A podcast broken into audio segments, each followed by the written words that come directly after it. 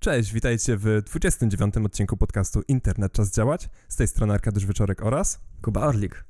A w dzisiejszym odcinku będziemy szydzić, opowiadać o temacie Internet of Things, a przepraszam, Internet of Shit.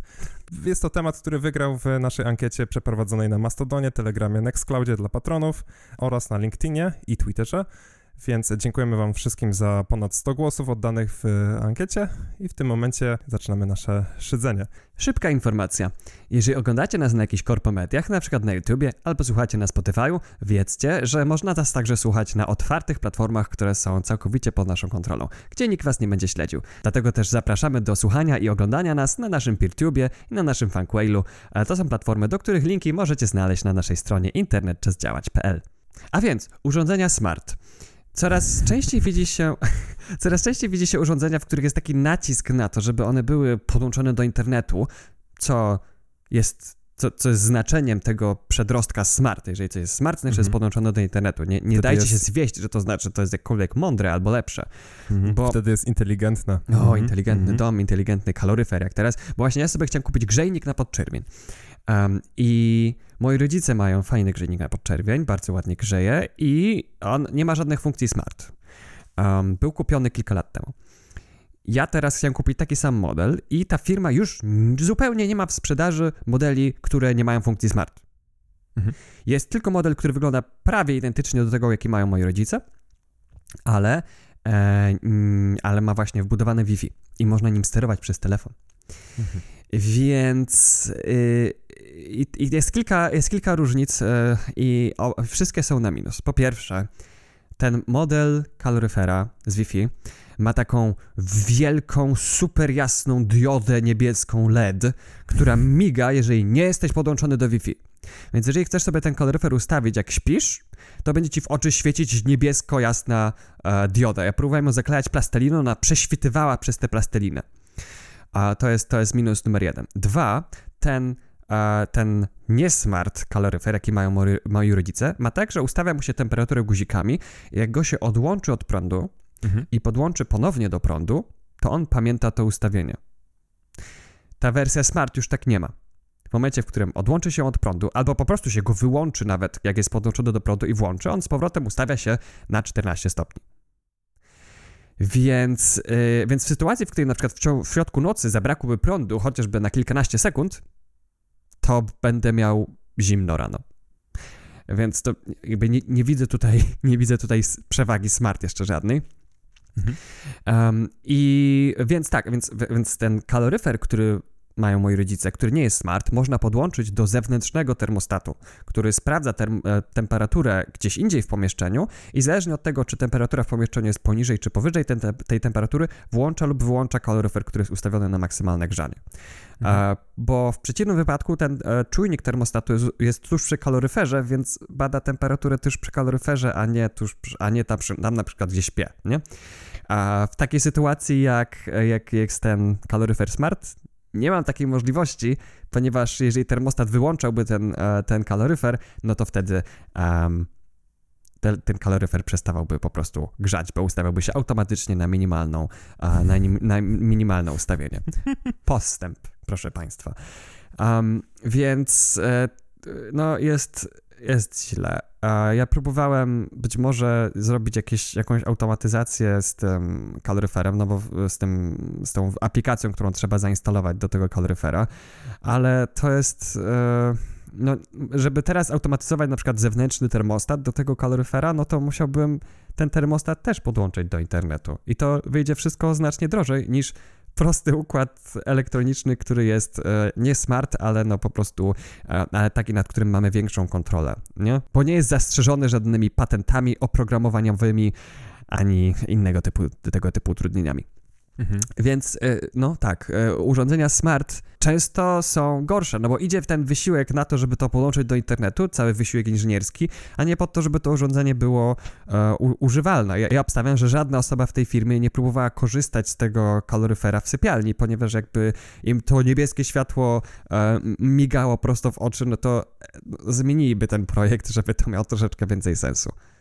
No to, czyli to y, sprowadza się do, do chyba pytania, które już na naszym podcaście kiedyś tam już się zadało w, w kontekście wielu innych rzeczy, a jaki to problem rozwiązuje, nie? Tak. Bo masz, masz sobie sprzęt, który podpinasz do internetu i tak de facto dostajesz mniej funkcjonalności, bo przez to, że kiedy nie możesz mieć tego internetu, nie możesz wykorzystać tego internetu, albo nie wiem, nie daj Boże, nie masz na przykład y, prądów, y, prądów, nie masz, nie, przestał ci działać router, nie? Pa, Mhm. Padł ci router, czyli nie masz sieci lokalnej i nie masz jak sparować nawet tego urządzenia z twoim urządzeniem, żeby móc coś tam sterować, no to, to zostajesz ręką w nocniku, nie? Żeby nie było, ten kaloryfer ma jeszcze pilot, który nie Okej. jest smart, Okej. Mhm. ale ten pilot ma tylko przycisk temperaturę w górę i temperaturę w dół. Mhm. Więc, em, więc y, y, jeżeli nie wiem, jaka jest aktualnie ustawiona temperatura, bo Mhm. obudziłem się w środku nocy, wiem, że jest mi troszeczkę za zimno i chcę podnieść sobie tę temperaturę, to tak jak muszę podejść do kaloryfera i zobaczyć, jaką ma aktualnie ustawioną temperaturę, żeby wiedzieć, jaką ustawiam. Mhm. Więcej sensu miałoby, gdyby ten pilot na przykład miał pokrętło, które ustawia określoną temperaturę, bo nie będę wtedy musiał pamiętać, albo żeby on miał jakiś wyświetlacz, chociażby taki zwykły jak kalkulator stary, Mhm. e, z informacją o tym, jaka jest aktualnie ustawiona temperatura, ale, ale, ale nie, nie, nie ma tutaj takich udogodnień. E, Jak dobrze rozumiem, to też pe- pewnie jest potrzebna aplikacja kliencka do, do tego kaloryfera, w sensie konkretna aplikacja stworzona przez tego producenta i wysyłana do Google Play Store na przykład i um, musisz też zaakceptować jakąś politykę prywatności tej aplikacji, tak? Tak, Czy- tak, tak, tak. I, okej. e, I co więcej, e, nie widziałem sposobu na to, żeby to Wi-Fi w tym kaloryferze wyłączyć. Mhm. To on może być po prostu, on, ma- on ma zawsze włączone Wi-Fi i albo jest podłączone do twojego routera, Mhm. a jeżeli nie jest podłączone do żadnego routera, no to jest w takim trybie, że każdy go może podłączyć do swojego routera, który jest w zasięgu mojego kaloryfera. Inteligentnie.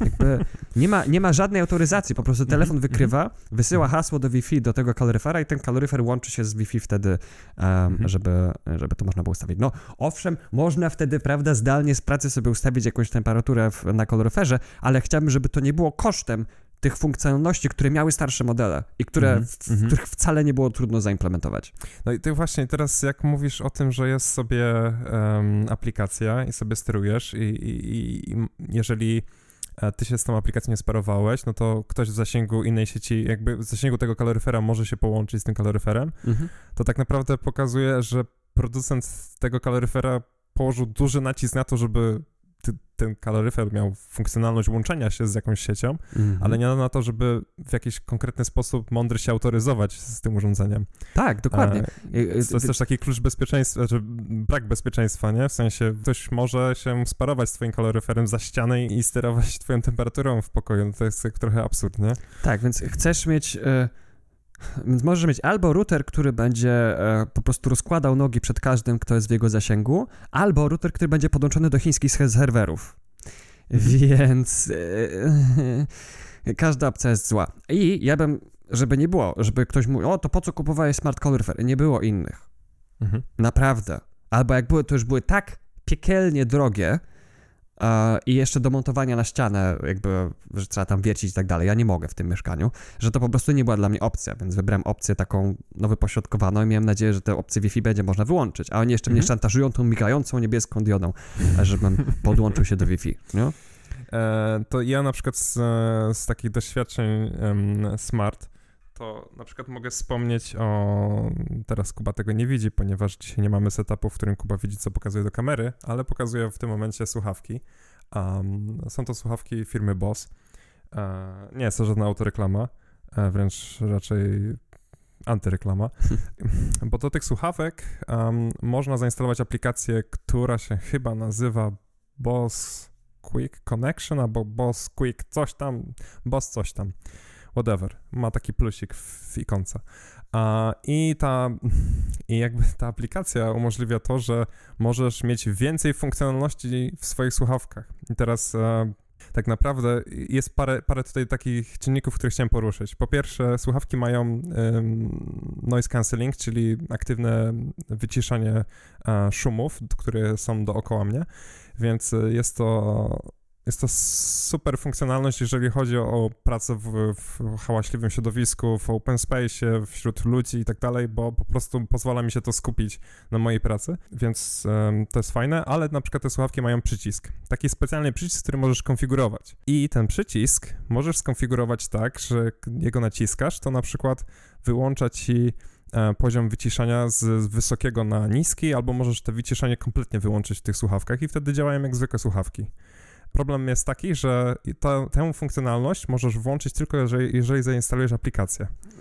E, bez aplikacji ten przycisk działa jako wywoływanie asystenta, w tym przypadku albo Alexy od Amazonu chyba, albo Google'a, jeżeli masz Google'a, pewnie ze Siri też jest jakoś to tam sparowane, nie mam iPhone'a, więc nie powiem. Mhm. Ta funkcjonalność asystenta jest domyślnie przypisana do tego przycisku. Możemy zmienić zachowanie tego przycisku, ale tylko przez aplikację. I teraz najważniejsza funkcjonalność, bo te słuchawki głównie są projektowane po to, żeby wyciszać otoczenie i jakby to jest naj, najważniejsza funkcjonalność tych słuchawek. Nie jest ona dostępna domyślnie, tylko mm, firma ta BOS mm, wymusza na tobie zainstalowanie aplikacji. Więc y, jakbyś chciał mhm. korzystać z nich do komputera, a nie miałbyś smartfona, to byś nie mógł zmienić tych ustawień. Tak, to domyślnie chyba włączy się maksymalny tryb wyciszenia, ale nie jesteś w stanie tym sterować w żaden sposób. No tak, siak ciesz się, że jest u ciebie konfiguracja. W, w moich sławkach Sennheiser jest tak, że jest przycisk do asystenta um, i nie można go skonfigurować do czegoś innego. Ja nie ma żadnego asystenta i korzystam z nich przy komputerze, więc po prostu pewien obszar mhm. moich słuchawek jest e, permanentnie bezużyteczny. Ale teraz właśnie jakby najważniejszą rzecz, którą chciałem jeszcze poruszyć, mhm. właśnie w kontekście smart, tej inteligentności i tak dalej, w, musisz zainstalować aplikację. Mhm. I w 2017 roku był pozew złożony przeciwko Bossowi, ponieważ ta aplikacja po pierwsze nie wyświetlała ci w ogóle jakiejś zgody odnośnie polityki prywatności, mhm. więc po prostu instalowałeś ją. I co się działo? Do podmiotów trzecich były wysyłane informacje takie jak na przykład, y, jakiej słuchasz piosenki, albo na przykład, y, co tam sobie odtwarzałeś i tak dalej, nie? Jakby, czyli de facto powoduje to, że masz coś na uszach, słuchasz czegoś na przykład prywatnego, a to może pójść do serwerów e, tej firmy poprzez mhm. to, że masz aplikację do tego, żeby móc zmienić zachowanie przycisku. E, no i jeszcze tam parę innych rzeczy. Um, I teraz e, po tych pozwach e, zostało to zmienione, w sensie instalujesz aplikację i sprawdziłem, musisz też zaznaczyć checkbox, odnośnie prywatności, że, że przeczytać politykę prywatności, się z tym zgadzasz? Mhm. Jakby te zapisy odnośnie polityki prywatności, które tyczą się tej wymiany informacji z twojego telefonu do serwerów e, tej, tej, tej firmy BOSS, nadal są w tej polityce prywatności. Mhm. Takie informacje jak wykonawcy, albumy, utwory, podcasty, które są za pośrednictwem ich oprogramowania, czy jakichś trzecich oprogramowań zbierane przez tę aplikację, mogą być wysyłane do ich serwerów. A możesz nie wyrazić zgody tam? Tak, jak nie wyrazisz zgody, to nie jesteś w stanie zainstalować aplikacji, w sensie skonfigurować, więc nie jesteś w stanie zmienić zachowania tych przycisków w słuchawkach. To nie jest ważna zgoda RODO w takim razie, bo to jest zgoda wymuszona. Widzisz. I teraz jeszcze dodatkowo, jeżeli się nie wklikniecie i nie przeczytacie tej, tej, tej polityki prywatności, to automatycznie jest pod spodem zachowany przycisk odnośnie um, analizy profilowania użytkowników takich taki rzeczy um, jest zaznaczony, więc y, jak ktoś nie kliknie w to, to domyślnie ma to zaznaczone pod spodem w jednym ekranie w głąb tej aplikacji, mm, więc można to sobie odznaczyć, ale zaakceptować politykę prywatności, czyli można nie zgodzić się na profilowanie.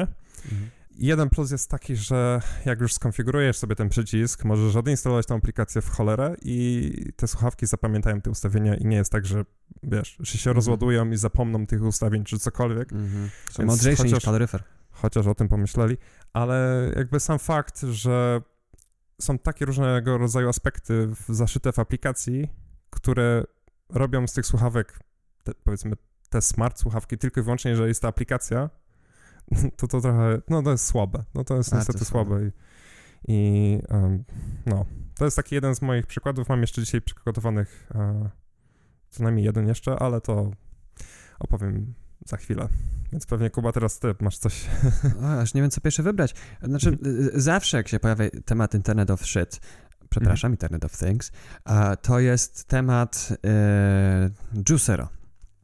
Juicero to była smart wyciskarka do soków, która rozwiązywała bardzo ważny problem. Bo jak mamy taką zwykłą, klasyczną wyciskarkę do soków, mhm. no to jeżeli chcemy wycisnąć sobie e, sok z owoców, no to musimy tak wstać z krzesła, podejść do tej wyciskarki, wsadzić do niej owoce, zamknąć klapę, wcisnąć guzik na tej wyciskarce, wstawić szklankę, leje się sok do szklanki i wypić.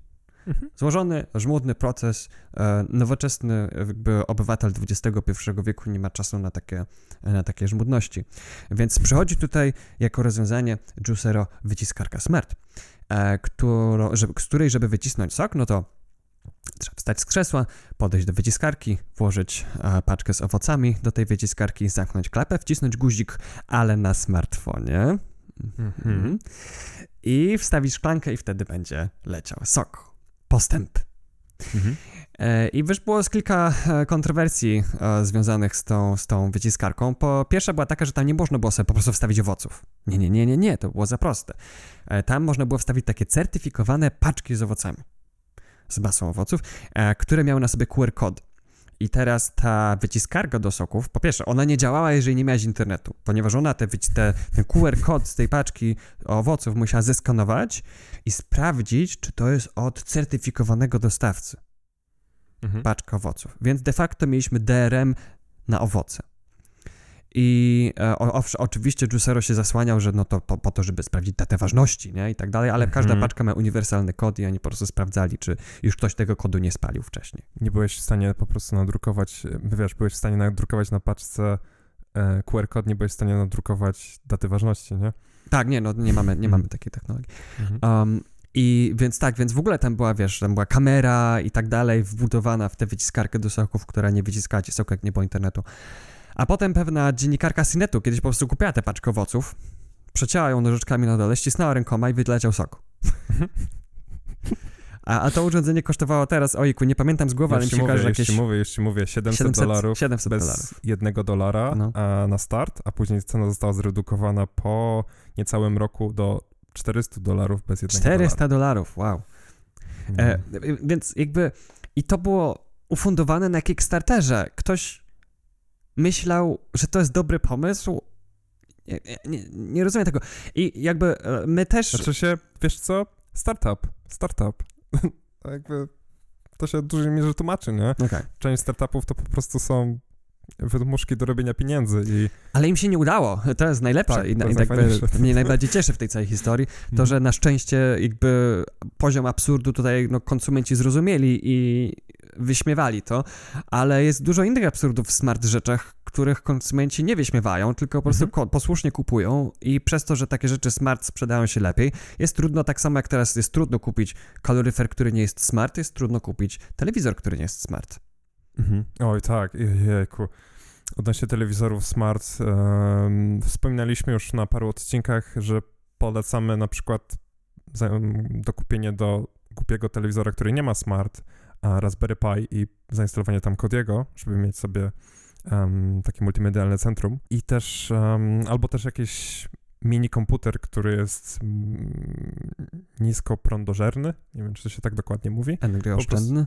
No, energooszczędny bardzo, że- żeby właśnie dostarczyć em, te wszystkie na odpowiednim poziomie, wiadomo, rozdzielczości i takich rzeczy, em, bo Raspberry Pi chyba nie, nie idealnie sobie każdy model radzi z 4K i takimi rzeczami, jak mamy duży telewizor i musisz oglądać wszystko w możliwie jak najlepszych szczegółach, no to podobno być najnowszy problem. model sobie radzi Tak, dobrze, tak. ale ja jestem jeszcze w epoce Full HD, więc e, a ja w epoce Raspberry Pi 3, który no więcej niż chyba Full HD, czy tam ja też jestem na trójce właśnie. No. I to jest jakby to jest lepsze rozwiązanie, ponieważ to my mamy kontrolę nad tym, co sobie zainstalujemy i w jaki sposób odtwarzamy treści, a ze Smart TV takimi montowanymi w telewizor dzieje się parę różnych ciekawych rzeczy. Po pierwsze reklamy kontekstowe, które no już teraz się po prostu pokazują, na przykład byłem u rodziców i oni mają takiego Samsunga, e, chyba 50 cali mniej więcej, a z 4K i tam szmery bajery, no i oczywiście jak ja generalnie telewizji nie oglądam, no ale przyjeżdżam do rodziców, no i tam leci telewizor, tata przełącza program, e, chyba to była stacja Puls, tak mi się wydaje, i wyskakuje ci polityka prywatności tego kanału telewizyjnego, Co? akceptujesz. I byłem naprawdę zszokowany, bo w pierwszej kolejności myślałem, że to jest polityka prywatności, um, nie wiem, po aktualizacji oprogramowania w telewizorze, Aha. ale to była polityka prywatności kanału telewizyjnego. A to był w postaci aplikacji kanał? Nie, czy, to mm, a, kanał czy był telewizja naziemna? telewizja naziemna, to cyfrowa. Nie? No, więc, yy, więc mega się zszokowałem. Oczywiście tata od razu kliknął tam mm, akceptuj czy nie akceptuj, już nie pamiętam. Nie zdążyłem, nie zdążyłem zrobić zdjęcia, ale jak obiecuję, że jeżeli kiedykolwiek zobaczę u rodziców i będzie włączony telewizor i coś takiego się pojawi, to na pewno zrobię zdjęcie, bo nawet próbowałem znaleźć informacje i nie mogłem zbytnio znaleźć w internecie informacji o, o tym, więc um, to było mega dziwne. Hmm. Ale. Hm. No więc właśnie, i, i, i, takie rzeczy różne wyskakują na telewizorze. Teraz y, ja pamiętam, jak kupiłem sobie jakieś Smart TV Samsunga, o jajku, jeszcze na studiach, i to było z 8 lat temu, i przychodziły aktualizacje, które miały ulepszyć działanie telewizora. Mhm. Z każdą aktualizacją znikały mi aplikacje, które były wbudowane w Smart TV. Na początku był tam Twitter, YouTube i parę innych rzeczy, jakieś tam, w ogóle były jakieś gry, które mogłeś zainstalować na Androidzie i twój telefon był tak naprawdę tylko kontrolerem do tej gry na telewizorze, ty na tym telewizorze też instalowałeś jakąś grę, to się jakoś tam parowało po sieci, szmery, bajery, Hmm. smart, inteligentne rzeczy. Tylko, że był jeden problem. Z każdą aktualizacją znikały mi oprogramowania. W sensie znikały mi aplikacje. I, i Samsung na początku miał takie, takie, takie, takie pięć ikonek. One były różnego koloru. Tam był na przykład gamepad w środku, kontroler taki, tam była jakaś kamera, tam był jakiś aparat, wiesz, w tych pięciu ikoneczkach kolorowych. I z którymś update'em wyświetlały się trzy. I już któreś z tych ikonek tam nie było, nie? Więc mówię, mhm, okej, mhm, fajnie. Też Więc Nie no, wiem, czy to był Samsung czy LG, ale kiedyś wypuścili taką aktualizację, to jeszcze w artykule towarzyszącemu temu odcinkowi uzupełnimy te, te, Mhm. te konkretne informacje, ale któryś z tych producentów miał kiedyś aktualizację do swojego oprogramowania na Smart TV i wys- po aktualizacji się wyświetliła informacja na ekranie, że słuchaj, twój pilot do telewizora jest już niekompatybilny z tym oprogramowaniem, musisz sobie kupić nowy i to jest QR kod do, do strony na Amazonie, gdzie sobie możesz zamówić nowego pilota. Ech, co za shit. No, Mhm, Prawda jest taka, no. że jeżeli coś jest smart, to najczęściej niestety e, ta smartność tego urządzenia jest wykorzystywana po to, żeby e, pomóc producentowi wydusić z nas jeszcze więcej informacji i pieniędzy, Mhm. a nie po to, żeby służyć nam. Tutaj e, jeszcze też na pewno zamieścimy to w artykule. Było też całe kontrowersje związane ze Smart TV i mikrofonami budowane, wbudowanymi w pilot i w telewizor, em, które też szpiegowały użytkowników i podsłuchiwały tego, e, jakie prywatne rozmowy. e, tak, tam w polityce prywatności. Samsunga w instrukcji było napisane, że coś, Albo coś w LG. rodzaju... Albo LG, bo teraz już nie będę. No, to mi się zlewa, Mhm. je, jeden, jeden syf, ale e, tam było napisane, że e, coś w rodzaju prosimy nie, nie, nie toczyć prywatnych rozmów w obecności telewizora. Mhm. albo właśnie tam będzie zmieniane na tekst i wysyłane do reklamodawców, więc... Mhm. No właśnie. E, jest, więc się tak mówi, że e, w totalitarnym e, państwie to rząd montuje ludziom podsłuchy w, w, w domach, a w skrajnie konsumpcjonistycznym społeczeństwie ludzie sami sobie kupują podsłuch, montują na ścianie i mówią, haha, mam lepszy podsłuch niż sąsiad. No, to są bary jeszcze do telewizorów, inne takie rzeczy, nie? Żeby dźwięk był bardziej krystaliczny i... A soundbara, znaczy, kurde, soundbara bym sobie nawet chciał kiedyś zainwestować. Jakbym totalnie nie miał co zrobić z kasą, a Mhm. to, to myślę, że tak, bo mnie ta przestrzenność dźwięku zawsze interesowała. Zawsze jakoś miałem taką mega fazę na ten dźwięk przestrzenny, Mhm. ale, y, ale mam nadzieję, że jak już się zdecyduję na to, to będzie można kupić jakieś soundbary, które nie są smart. Które nie są do internetu podłączone. No. Mhm. No, więc e, też jak teraz po- wspomniałeś o tym konsumpcjonizmie i, i tym wyciskaniu kasy, to natrafiliśmy na raport IAB Polska, tutaj oddział polski. Ech. Mamy doświadczenie z IAB Europe. Nie E, ufajcie IAB. Przepraszam, to, to od razu takie ogłoszenie. IAB Tak. nie chroni interesów użytkowników. IAB chroni reklamodawców. Więc jeżeli IAB mówi, że coś jest dobre, to jak najdalej od tego się trzymajcie. Jeżeli jest narzędzie do pobierania, nie wiem, zgody, to często administratorzy w nasz, na nasze maile odpowiadają, Mhm. ale jak to przecież mechanizm e, pozyskiwania zgody e, jest autoryzowany przez IAB Europe. Mhm. Mhm. E, więc na pewno jest zgodny z RODO, ale nie, drodzy Państwo, IAB Europe nie, nie określa, co jest zgodne z RODO, czy nie. To robią urzędy ochrony danych osobowych, e, Trybunał Sprawiedliwości Unii Europejskiej i jakby no to jest zadanie dla, e, dla takich rządowych instytucji, a nie dla organizacji, które chronią cztery dokładnie. litery Google'a, Amazona i Facebooka. Tak, tak. No i właśnie, jakby w kontekście tego raportu zacytuję, e, bo e, znaleźliśmy taki śmieszny paragraf, który oddaje istotę raportu o internecie rzeczy w Polsce zrobiony w 2016 roku. I, i tam jakby plany na przyszłość i, i, i, co będzie z tego można osiągnąć. No więc osiągnięcie najwyższych korzyści biznesowych i finansowych ze stosowania internetu rzeczy możliwe jest dzięki umiejętności przetwarzania powstałych w tym nowym świecie danych. No po prostu... E, Przepraszam, aż gaki dostałem od tego. No właśnie. I teraz w tym samym, e, w tym samym raporcie jest mowa też o aspekcie prywatności internetu rzeczy. E, poświęcili na to jakąś stronę A4, ale potrafili poświęcić na, strateg- na partnera strategicznego odnośnie smart rozwiązań w samochodzie, jakimś tam Citroenie czy czymś z dwie czy trzy strony, nie? Mhm. Także, no i jakby autor e, moim zdaniem w ogóle nie dotknął problemu prywatności um, w, w, tym raporcie, ponieważ zmieszał w ogóle bezpieczeństwo z prywatnością, mhm. co, co o, oczywiście te, te tematy się łączą ze sobą, ale ale nie można powiedzieć, że to jest to samo. I jakby dla mnie po przeczytaniu tego, co zostało tam napisane, to jakby użytkownicy w rozwiązaniach internetu rzeczy e, otrzymują, chcą mieć, mieć poczucie bezpieczeństwa, które jest wynikiem tego, że oni mogą na przykład kontrolować jasność oświetlenia w swoim mieszkaniu. Mhm. To, mniej więcej tak to było sformułowane. Zalinkujemy link, wrzucimy link do tego, do tego raportu, e, więc możecie sobie poczytać e, Perspektywę wiem, biznesową ale... tego, nie? Tak, to mhm. jakby, no więc właśnie, nie, jakby y, ja się spodziewałem po raporcie, który pierwszy raz w Polsce dotykał internetu rzeczy, że w ogóle to mm, jakby będzie przedstawione w, w szerokim spektrum, oczywiście jest w szerokim spektrum, ale tylko i wyłącznie marketingowym, reklamodawców i biznesów, więc tak, ja, ręce opadają. Generalnie myślę, że jednym z największych trików, jaki jest... Y używany przez osoby, które reklamują, przez podmioty, które reklamują e, rozwiązania smart, jest to, że rozwiązania smart dają ci więcej kontroli. Mhm. Tobie użytkownikowi. Bo w reklamach są pokazywane właśnie takie ilustracje, jak ktoś sobie na smartfonie przesuwa jakiś suwak, no i coś się zmienia i tak mhm. dalej. I, mhm. ale to jest tylko jeden drobny wycinek tego, jaki rodzaj kontroli możemy sprawować nad naszymi urządzeniami. Mhm. A na, bo no, chociażby owszem, możemy mieć kontrolę nad tym, co te urządzenia robią, ale tracimy kontrolę nad tym, co te urządzenia e, mówią o nas i komu. Więc znowu tutaj fakt, że w, naszym, w naszej komunikacji i też w społeczności, um, tak, nie wiem, redak- gazet technologicznych nie funkcjonuje bardzo duże rozgraniczenie pomiędzy słowem prywatność i bezpieczeństwo, no skutkuje tym, że jesteśmy w stanie e, wcisnąć sobie taki kit.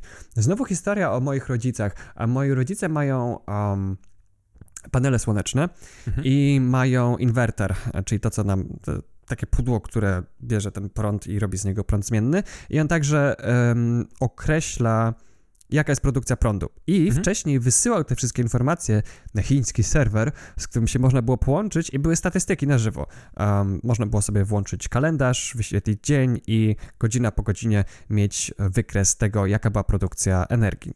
Co było mhm. fajne ale niedawno te serwery zostały zamknięte.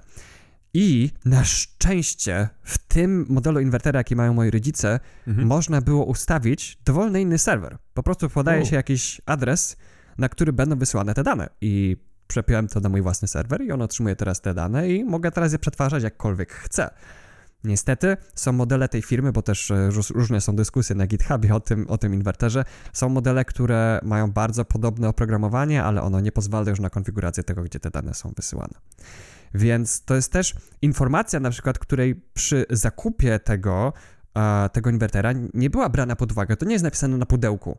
Czy mhm pełnia funkcjonalności tego urządzenia wymaga, żeby czyjś bucket amazonowy aktualnie działał. Mhm. Um, bo no bo to jest też kolejna konsekwencja tych wszystkich smart rozwiązań, że to są rozwiązania, które są, ktoś może nam zdalnie wyłączyć. Mhm. Jeżeli to wymaga, żeby ktoś tam miał odpalony jakiś serwer i aplikację i my nie możemy tego przepisać na inny serwer, no to firma kończy działalność, zamyka się albo Google ją wykupuje i zamyka. Dokładnie. Mhm. I naszego, naszego produktu już nie ma, ponieważ to jest usługa, a nie produkt.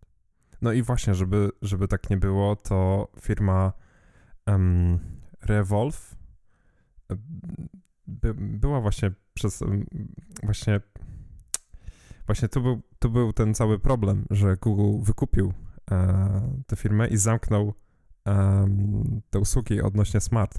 Co robiła No firma Revolve? To było coś odnośnie, no og- ogólnie smart home, czyli te całe rozwiązania odnośnie sterowania żarówkami, Mhm. roletami, drzwiami, wiesz, takimi różnymi rzeczami. No i niestety, ale e, Google jak sobie to kupił, no to zamknął i, i, i właściciele zostali z niczym de facto, nie? Tych urządzeń. Tak, Więc, mam bezużyteczne kawałki plastiku i krzemu.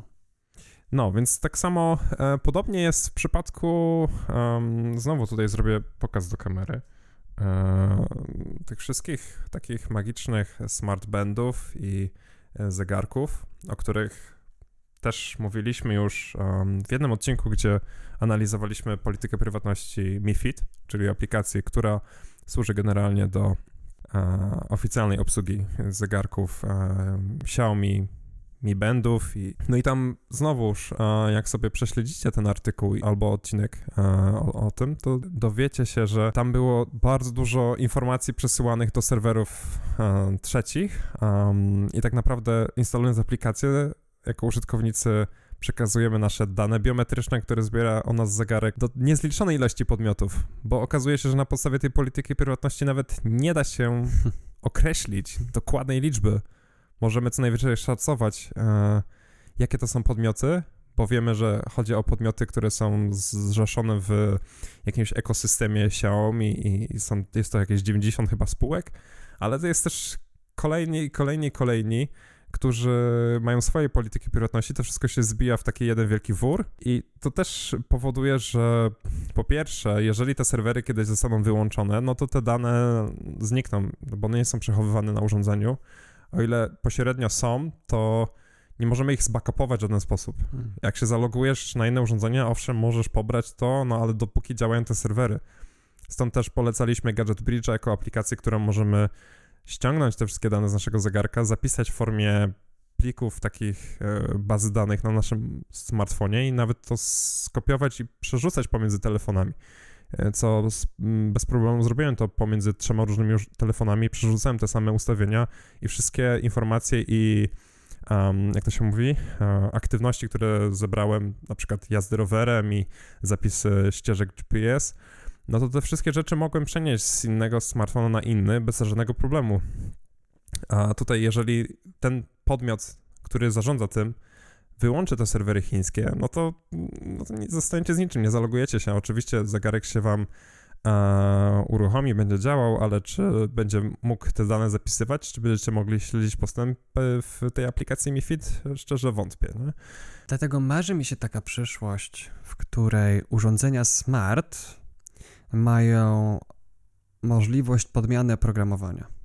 Mhm. Jest chociażby nasza ulubiona e, Sansa, to jest odtwarzacz MP3, który, w którym można zainstalować alternatywne oprogramowanie. Nie wiem, czy to jest celowo rzecz umożliwiona przez producenta, czy to może jest po prostu jakieś niedopatrzenie, e, Mhm. które sprawiło, że to nie było tak super mocno zablokowane, jak to bywa w innych odtwarzaczach. W każdym razie nastąpiło coś takiego, że jest y, po prostu eksplozja różnych nowych funkcjonalności, które można dodać do tego z elektronicznego punktu widzenia w miarę prostego urządzenia.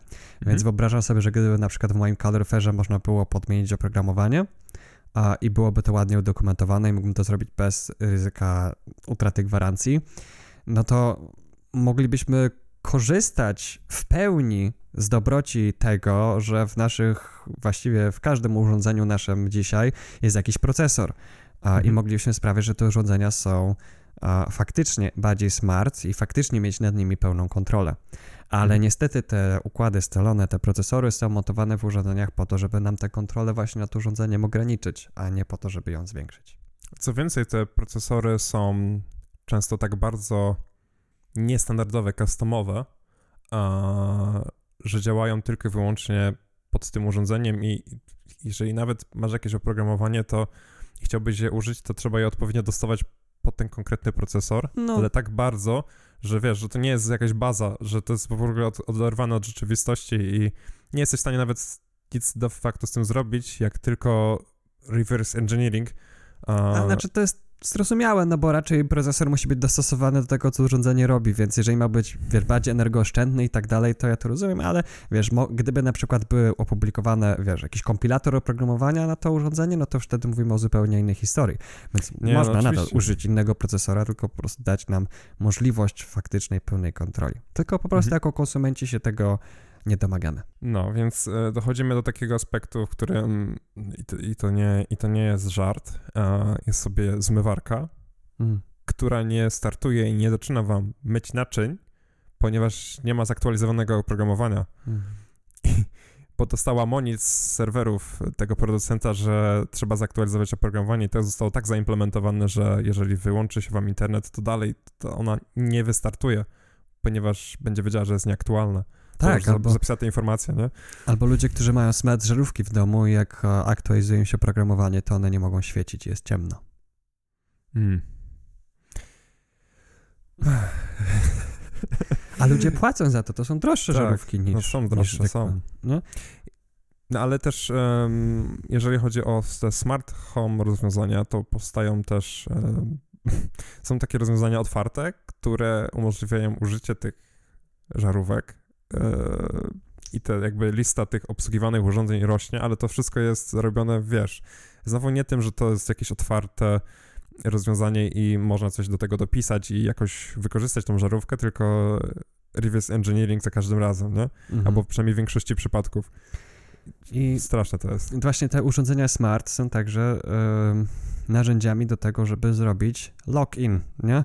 Czyli Mhm. żeby nas blokować do rozwiązań konkretnych producentów. Bo Jak sobie kupimy, nie wiem, żarówki smart LG albo żarówki smart, nie wiem, Apple, jeżeli w przyszłości będą, chociaż może są, bo już nawet nie nadążam za tym, co Apple robi, a co nie, um, no to one nie będą, żarówki Apple'a na pewno nie będą działały na przykład ze smartfonem z Androidem. To, to, to, to nie ma szans, nie? iPhone nam, iPhone nam wpadnie do kibla, a wyciągamy zapasowego Androida z szuflady i okazuje się, że nie możemy nim zapalić świata. To, to jest 100%, że tak Apple zrobi.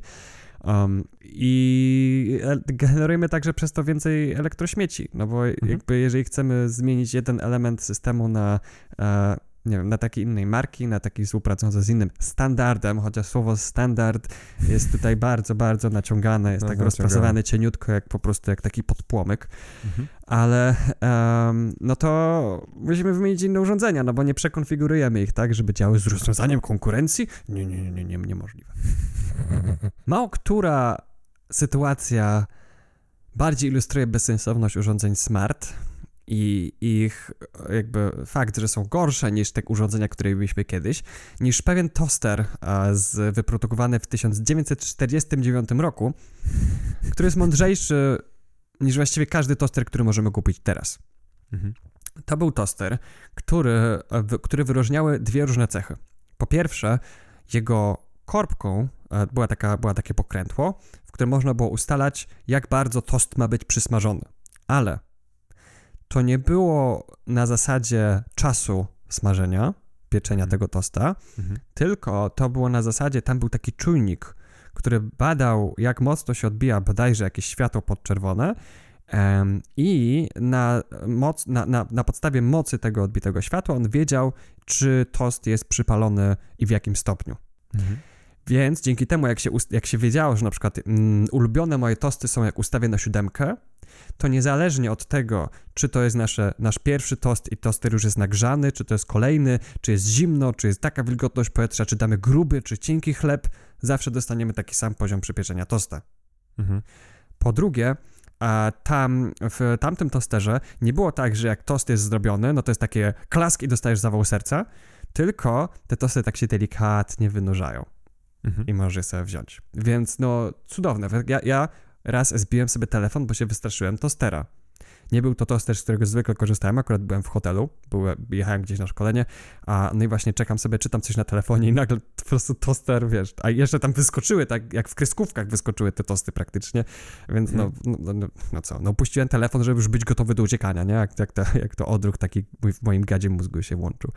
Um, więc tak, a teraz owszem, są to stery, które jakby są smart i się starają jakby wiedzieć, e, ile powinny, i że jakby starają się dawać użytkownikowi konfigurację poziomu przypieczenia tosta, ale one działają tak, że po prostu mają bazę danych różnych produktów i wybierasz w smartfonie albo na ekranie dotykowym, który produkt pieczesz i na podstawie tego one dobierają moc i czas trwania. Kiedy Mhm. jest znacznie prostsze rozwiązanie, po prostu mierzenie tych no, poziomu bezpośrednio, tego jak, coś jest, jak to, co jest w środku jest przypieczone i tyle. Um, więc nie zawsze dodawanie do czegoś procesora jest dobrym sposobem na to, żeby, e, żeby to było lepsze urządzenie, ponieważ ten toster z 49 roku działa lepiej i jest znacznie prostszy w konstrukcji, więc jest także tańszy i jest prostszy w naprawie. I jak i nie ma żadnego serwera, który jak przestanie działać, bo jest awaria AWS-a, to, to, to, to, to, to nam to utrudniałoby robienie, to nie utrudniałoby nam to robienia śniadania. Co Więc- więcej, co więcej, jesteś w stanie użyć go bez smartfona. Nie? Tak. W sensie, no, nie potrzebujesz do tego telefonu, bo te, jakby te, część tych smart rzeczy często jest tak skonstruowana, że brak pod ręką tego smartfona i tej aplikacji klienckiej do, do tego urządzenia odcina cię od możliwości korzystania z tego urządzenia. W sensie nie- nie ma tam przycisku e, zrób tego tosta, w sensie, że po Tylko jest przycisk synchronizuj z Wi-Fi telefonu. no, no tak, więc. Ech. I właśnie, i w kontekście, w kontekście tych e, tutaj aspektów, które poruszyliśmy, e, chcielibyśmy, żebyście zwrócili uwagę, jeżeli obchodzicie święta i kupujecie jakieś prezenty z tej okazji i tak dalej, to poszukajcie sobie antyporadników zakupowych. Na przykład Gosia Fraser e, przygotowała taki krótki poradnik pięciu urządzeń, które nie warto kupować na święta e, z uwagi właśnie na, na prywatność na, i to, to z reguły, w większości to są w ogóle urządzenia smart, jak nie wszystkie. E, są tam na przykład smartwatche dla dzieci, e, Hmm. które są privacy nightmarem tak naprawdę, jeżeli chodzi o, o, o prywatność. E, I też Mozilla przygotowuje e, co roku taki, taki też takie zestawienie, taki poradnik, gdzie mówi o tym, że privacy is not included, że po prostu tej prywatności nie ma w tych urządzeniach, które możecie kupić. Są tam wymienione po prostu różnego rodzaju urządzenia smart e, i też jakby wątpliwości, dlaczego w ogóle kupować takie rzeczy, na przykład dlaczego kupować Google Alexa, e, Google Alexa, Amazon Alexa, e, to, ten taki głośnik, który z nami rozmawia. Em, To w ogóle gdzieś czytałem w internecie też, że wielu nastolatków utożsamia to z przyjacielem, w sensie ten głośnik, który się porozumiewa. Alexa, do you love me? Yes. No, więc zwróćcie uwagę na to, jeżeli już chcecie kupić jakieś smart urządzenie. W wielu przypadkach y, te niesmart urządzenia są po prostu lepsze, tańsze, a o ile w ogóle są jeszcze na rynku, bo no, tak jak Kuba wspomniał o kaloryferze e, na podczerwień, no to też nie prosta sprawa, żeby zakupić taki, który nie działa smart. Smart, działanie smart. To jest w ogóle, to jest, to jest, to jest w ogóle bardzo, bardzo ciekawy temat. Co jest inteligentne i to jakby rozumienie producentów tego, że to jest inteligentne, kończy się na tym, że jest podłączone do internetu Tak, i, to, i to, że jest, to urządzenie jest głupie bez tego internetu, nie? to jest przywłaszczone słowo smart. I to Mhm. jest duży, to jest tak, tak, taki problem, że właśnie nie, nie jest to po prostu na przykład connected, nie? Mhm. Tylko, że to jest smart. Jakby smart ma zupełnie inne konotacje i, i, budzi w nas inne oczekiwania. Na przykład ja ostatnio dostałem, bo do mojego domu przychodzą do takie gazetki z typu Lidl, Biedronka, etc. i tak dalej, i tak dalej. Em, I tam przyszła taka gazetka chyba ze sklepu Action, tak mi się wydaje. Z sklepu Action? Sklep Action, tak się nazywa sklep. Action. Co sprzedaje sklep Action? Wszystko i nic. Wszystko. Okej. Y, To jest taki chiński market jakby? Coś ten deseń, właśnie, bo, bo chciałem powiedzieć, że właśnie takie chińskie rzeczy, chyba chińskie, no na większości na pewno są chińskie. No i tam sprzedają e, gniazdka, które możesz połączyć po Wi-Fi do telefonu i nimi sterować, włącz, wyłącz. Hmm. I, i okej, I, to jest taki tam slogan w tej gazetce, że twoje nieinteligentne lampy podłączone do tych gniazdek stają się inteligentne. Inteligent. Jeżeli inteligencja polega tylko na tym, że mogę coś włączyć i wyłączyć, to Ale możesz to To- zrobić za pomocą smartfona. Fona. Więc e, tak, więc jestem uradowany, że żyjemy w XXI wieku. Tak, no. A Jakby ja- mam, mam nadzieję, że słuchacze tutaj e, wychwytują przenikający sarkazm. Tak, aż, aż, aż mam, aż troszeczkę żałuję, że pozwoliliśmy sobie na tyle razy używanie słowa smart, mhm. w znaczeniu, jakim chcą go używać producenci tych urządzeń, a nie w znaczeniu, jakim uważam, że powinno mieć, mhm. ale już takie się utarło i to jest problem, ponieważ nie weszło nowe słowo na miejsce tego starego. Nie? W sensie smart zmieniło swoje znaczenie z inteligentny na podłączony do internetu, albo z, tak samo, a więc już nie znaczy użyteczny, służący nam, jakby potrafiący więcej niż coś, co nie jest smart, tylko ma dokładnie odwrotne znaczenie ale jakby zmieniło znaczenie, a nie przyszło jakieś nowe słowo, nie? które znaczyłoby e, urządzenie, które um, potrafi więcej od, e, od innych urządzeń tego typu, które jest e, cyfrowe, ale nie ogranicza nas i mhm. które daje nam faktyczną kontrolę. Trzeba będzie takie słowo stworzyć, bo bez takiego słowa ta kategoria produktów nie będzie istniała, będzie po prostu wszystko smart. I też ważne w kontekście tego, jeżeli właśnie te, te produkty z kategorii smart chcecie zakupić, to żeby zainteresować się polityką prywatności. Ja wiem, że te, te teksty są pisane strasznie źle i to jest najczęściej maszynowy bełkot przetłumaczony z chińskiego na angielski, z angielskiego na polski, ale niemniej jednak y, warto się zainteresować tym, co jest tam napisane, bo, bo te informacje tam powinny być zawarte. To, czy czy nasze dane są sprzedawane do podmiotów trzecich, w jakim celu nasze dane są w ogóle wykorzystane, jakie w ogóle dane my jako użytkownicy przekazujemy do tych urządzeń i, i gdzie to jest dalej wysyłane. Jakby I jaka firma jest ich administratorem? Czy to jest firma, tak. która podlega jurysdykcji Unii Europejskiej? Oj, tak, tak, bo no, cały czas mam w głowie ten, to sformułowanie z raportu IMB Polska, że wiesz, że to będzie maksymalizować zyski, biznesy i, i tak dalej a tak naprawdę nie rozwi- moim zdaniem w większości przypadków smart jest wciśnięty, to, to, to całe smart, czyli uprośćmy to do włożenia do jakiegoś urządzenia internetu, mhm. a jest tak to zrobione na siłę, w sensie rozwiązuje to problem, który już był rozwiązany, w sensie... I był rozwiązany kiedyś... lepiej.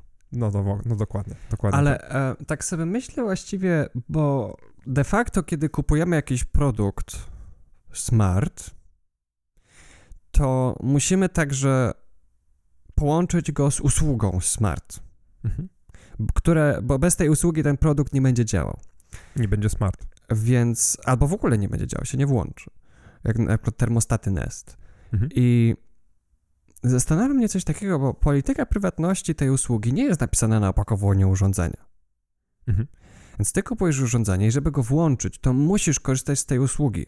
Więc musisz zaakceptować jej politykę prywatności. Mhm.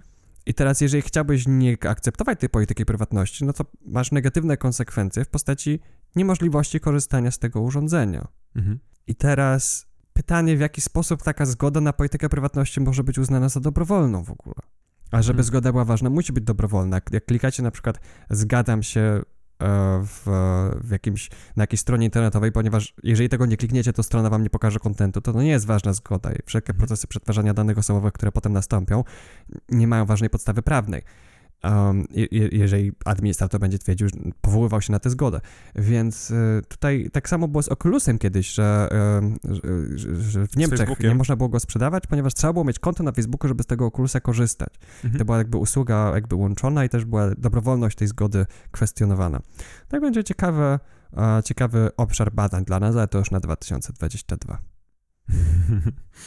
No, więc generalnie też można by podzielić urządzenia smart, no, po prostu no, ten, te inteligentne, w cudzysłowie, urządzenia, na, na, na, takie, które są jeszcze w stanie działać bez internetu i te, które nie są w stanie działać bez internetu, mm. nie?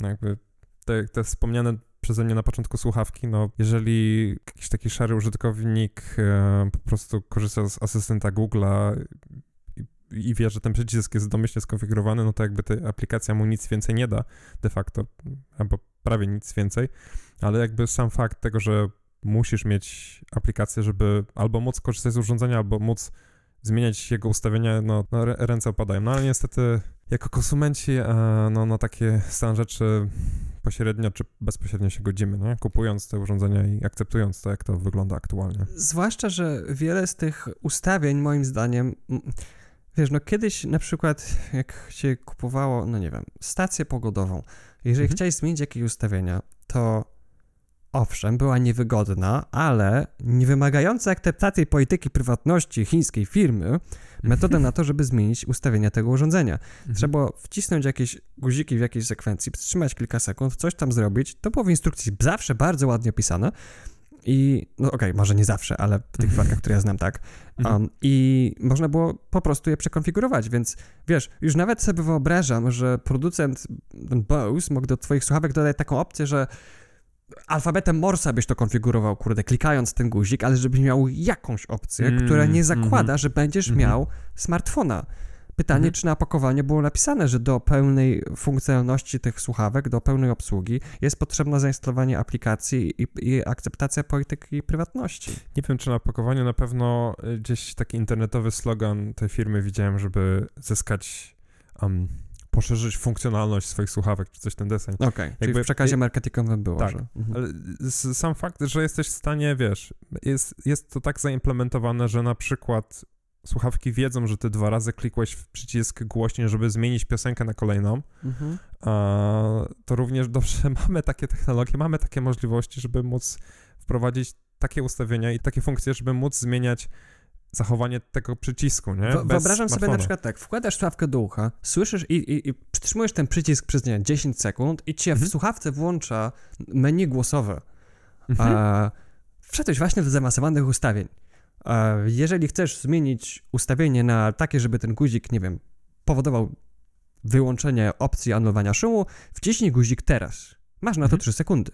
Mhm. Jeżeli nie wciśniesz, będzie ci zaprezentowana i nagle, no, no, można coś Mhm. takiego zrobić. Jakby i, i, dać Ale opcję. wiesz, wiesz, technologicznie lepiej jest zainstalować aplikację, bo producent ma wtedy kontrolę nad tym, Mhm. jakie może pozyskać dodatkowe dane o użytkownikach i je sprzedać i zarobić na tym. Najgorsze jest to, tak że te dane są pozyskiwane w tak niewidzialny sposób.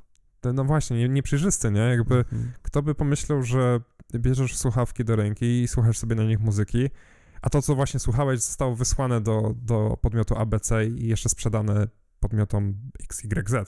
Więc jakby To jest mega problem, bo w przeglądarce jeszcze w miarę można sobie zainstalować wtyczkę, która na przykład ilustruje, które dane były wysłane do, do Mhm. których podmiotów i tak dalej.